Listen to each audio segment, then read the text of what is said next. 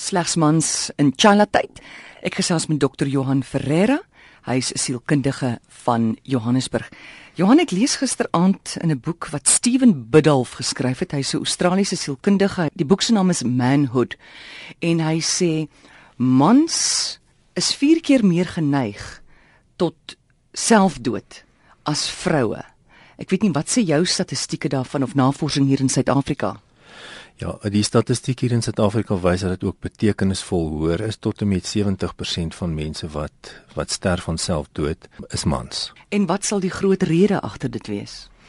Kyk mans se identiteit is nou maar daarop gerig om meer um, aggressief as vrouens sin te wees in terme van doelgerigte gedrag. So dit kan 'n persoonlikheidsding wees. Dit kan ook wees dat hulle geweldige rolkonflik beleef binne hulle hulle manlike identiteit waar die navorsing maar vir ons sê dit veroorsaak geweldige interne spanning by hulle om hierdie nuwe rol wat die man moet uitleef in ons samelewing dat hulle nie jy weet hulle kan dit net nie baas raak nie en dan raak hulle oorweldig en uiteindelik as dit onbehandeld gelaat word dan sal dit opeindig in selfdood tog en ek kan verkeerd wees hier wys navorsing dat vroue baie meer depressief is as mans Of is dit maar net dat vroue makliker praat oor hulle eie depressie en mans is nog bang vir daai stigma?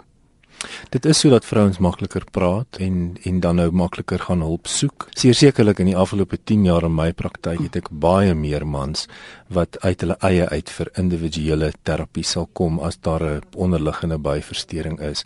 Hulle besef natuurlik nie hoe ernstig dit is nie waar die vrouens 'n meer natuurlike aanvoeling het vir dat hulle emosies nie op 'n lekker plek is nie. Tog Johan het vroue ook baie probleme. Hmm. Hoekom sal mans dan meer sterf van selfdood as vroue? Kyk mans is baie keer geïsoleerd in terme van hulle werkskonteks waar hulle geweldige druk beleef om te presteer, om finansiëel te voorsien, maar dan voel hulle ook natuurlik geweldig skuldig omdat hulle so baie van hulle vrouens verwag in terme van van um, mede-eienaarskap neem van finansies. So dit raak al hoe meer kompleks vir mans om in die huidige samelewing te kan funksioneer. En dan is dit sodat mans nie noodwendig hulle gevoelens met kollegas deel nie en um, dan kom hulle by die huis en die kinders en die druk is van so 'n aard dat daar nie regtig tyd is nie so die verhouding word afgeskeep en die kwesbaarheids um, faktor raak dan net al hoër by hulle omdat mans van nature meer probleemoplossend gerig leef. En daarby sê ek nou glad nie vrouens is nie so nie. Mm.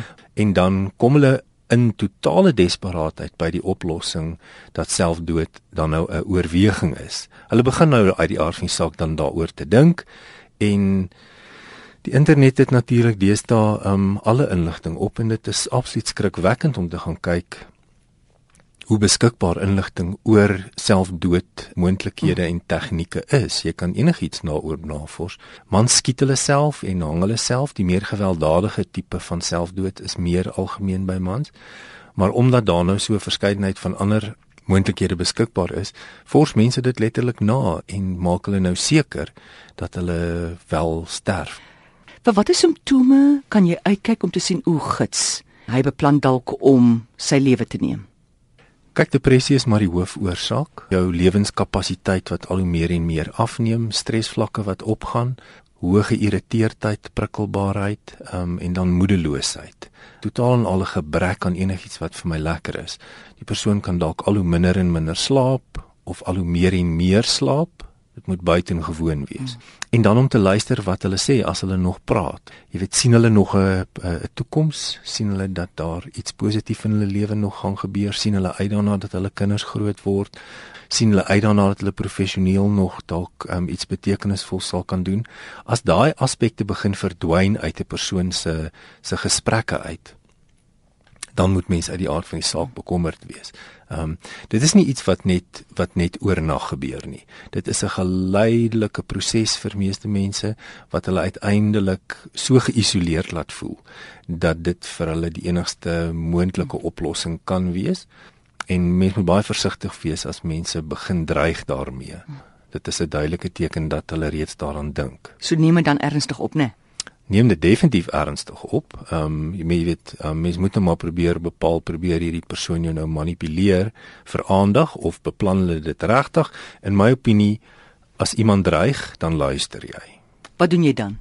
dan moet jy natuurlik onmiddellik hulp soek. Baie keer wil hulle nie. Um, as dit nou 'n volwasse man is uit die aard van die saak, as hy dan weier om enige iemand te gaan sien, die beste manier is maar om om eers net by sy huisdokter uit te kry en te kyk of of hy of hy bereid is om net vir 'n mediese ondersoek te gaan. Maar gaan dan maar gewoonlik saam dat jy nou kan hoor wat jou man, of jy weet of jou maat nou sê vir die dokter. Baie keer kan medikasie help, mm. maar mens moet maar as die pad so ver geloop is al jy weet by 'n psigiatër of 'n sielkundige uitkom. Daar's so wonderlike medikasie vir depressie. Dit is so, jy weet ons lewe nou nie meer in die 1960s en 70s nie. Ehm um, die medikasie is ongelooflik gesofistikeerd. Die navorsing wat gedoen word is gewettig en geldig.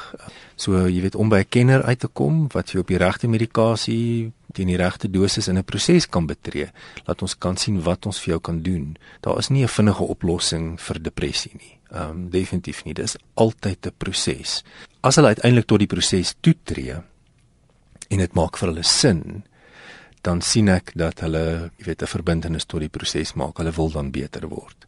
Sodra hulle begin sien dit gaan beter, dan sal hulle baie keer aanhou. Dat hulle verstaan die emosie kom maar uit die brein uit. Soos ons die brein kan kry om te herstel, dan gaan die emosie herstel. So gesels Dr. Johan Ferreira, sielkundige van Johannesburg.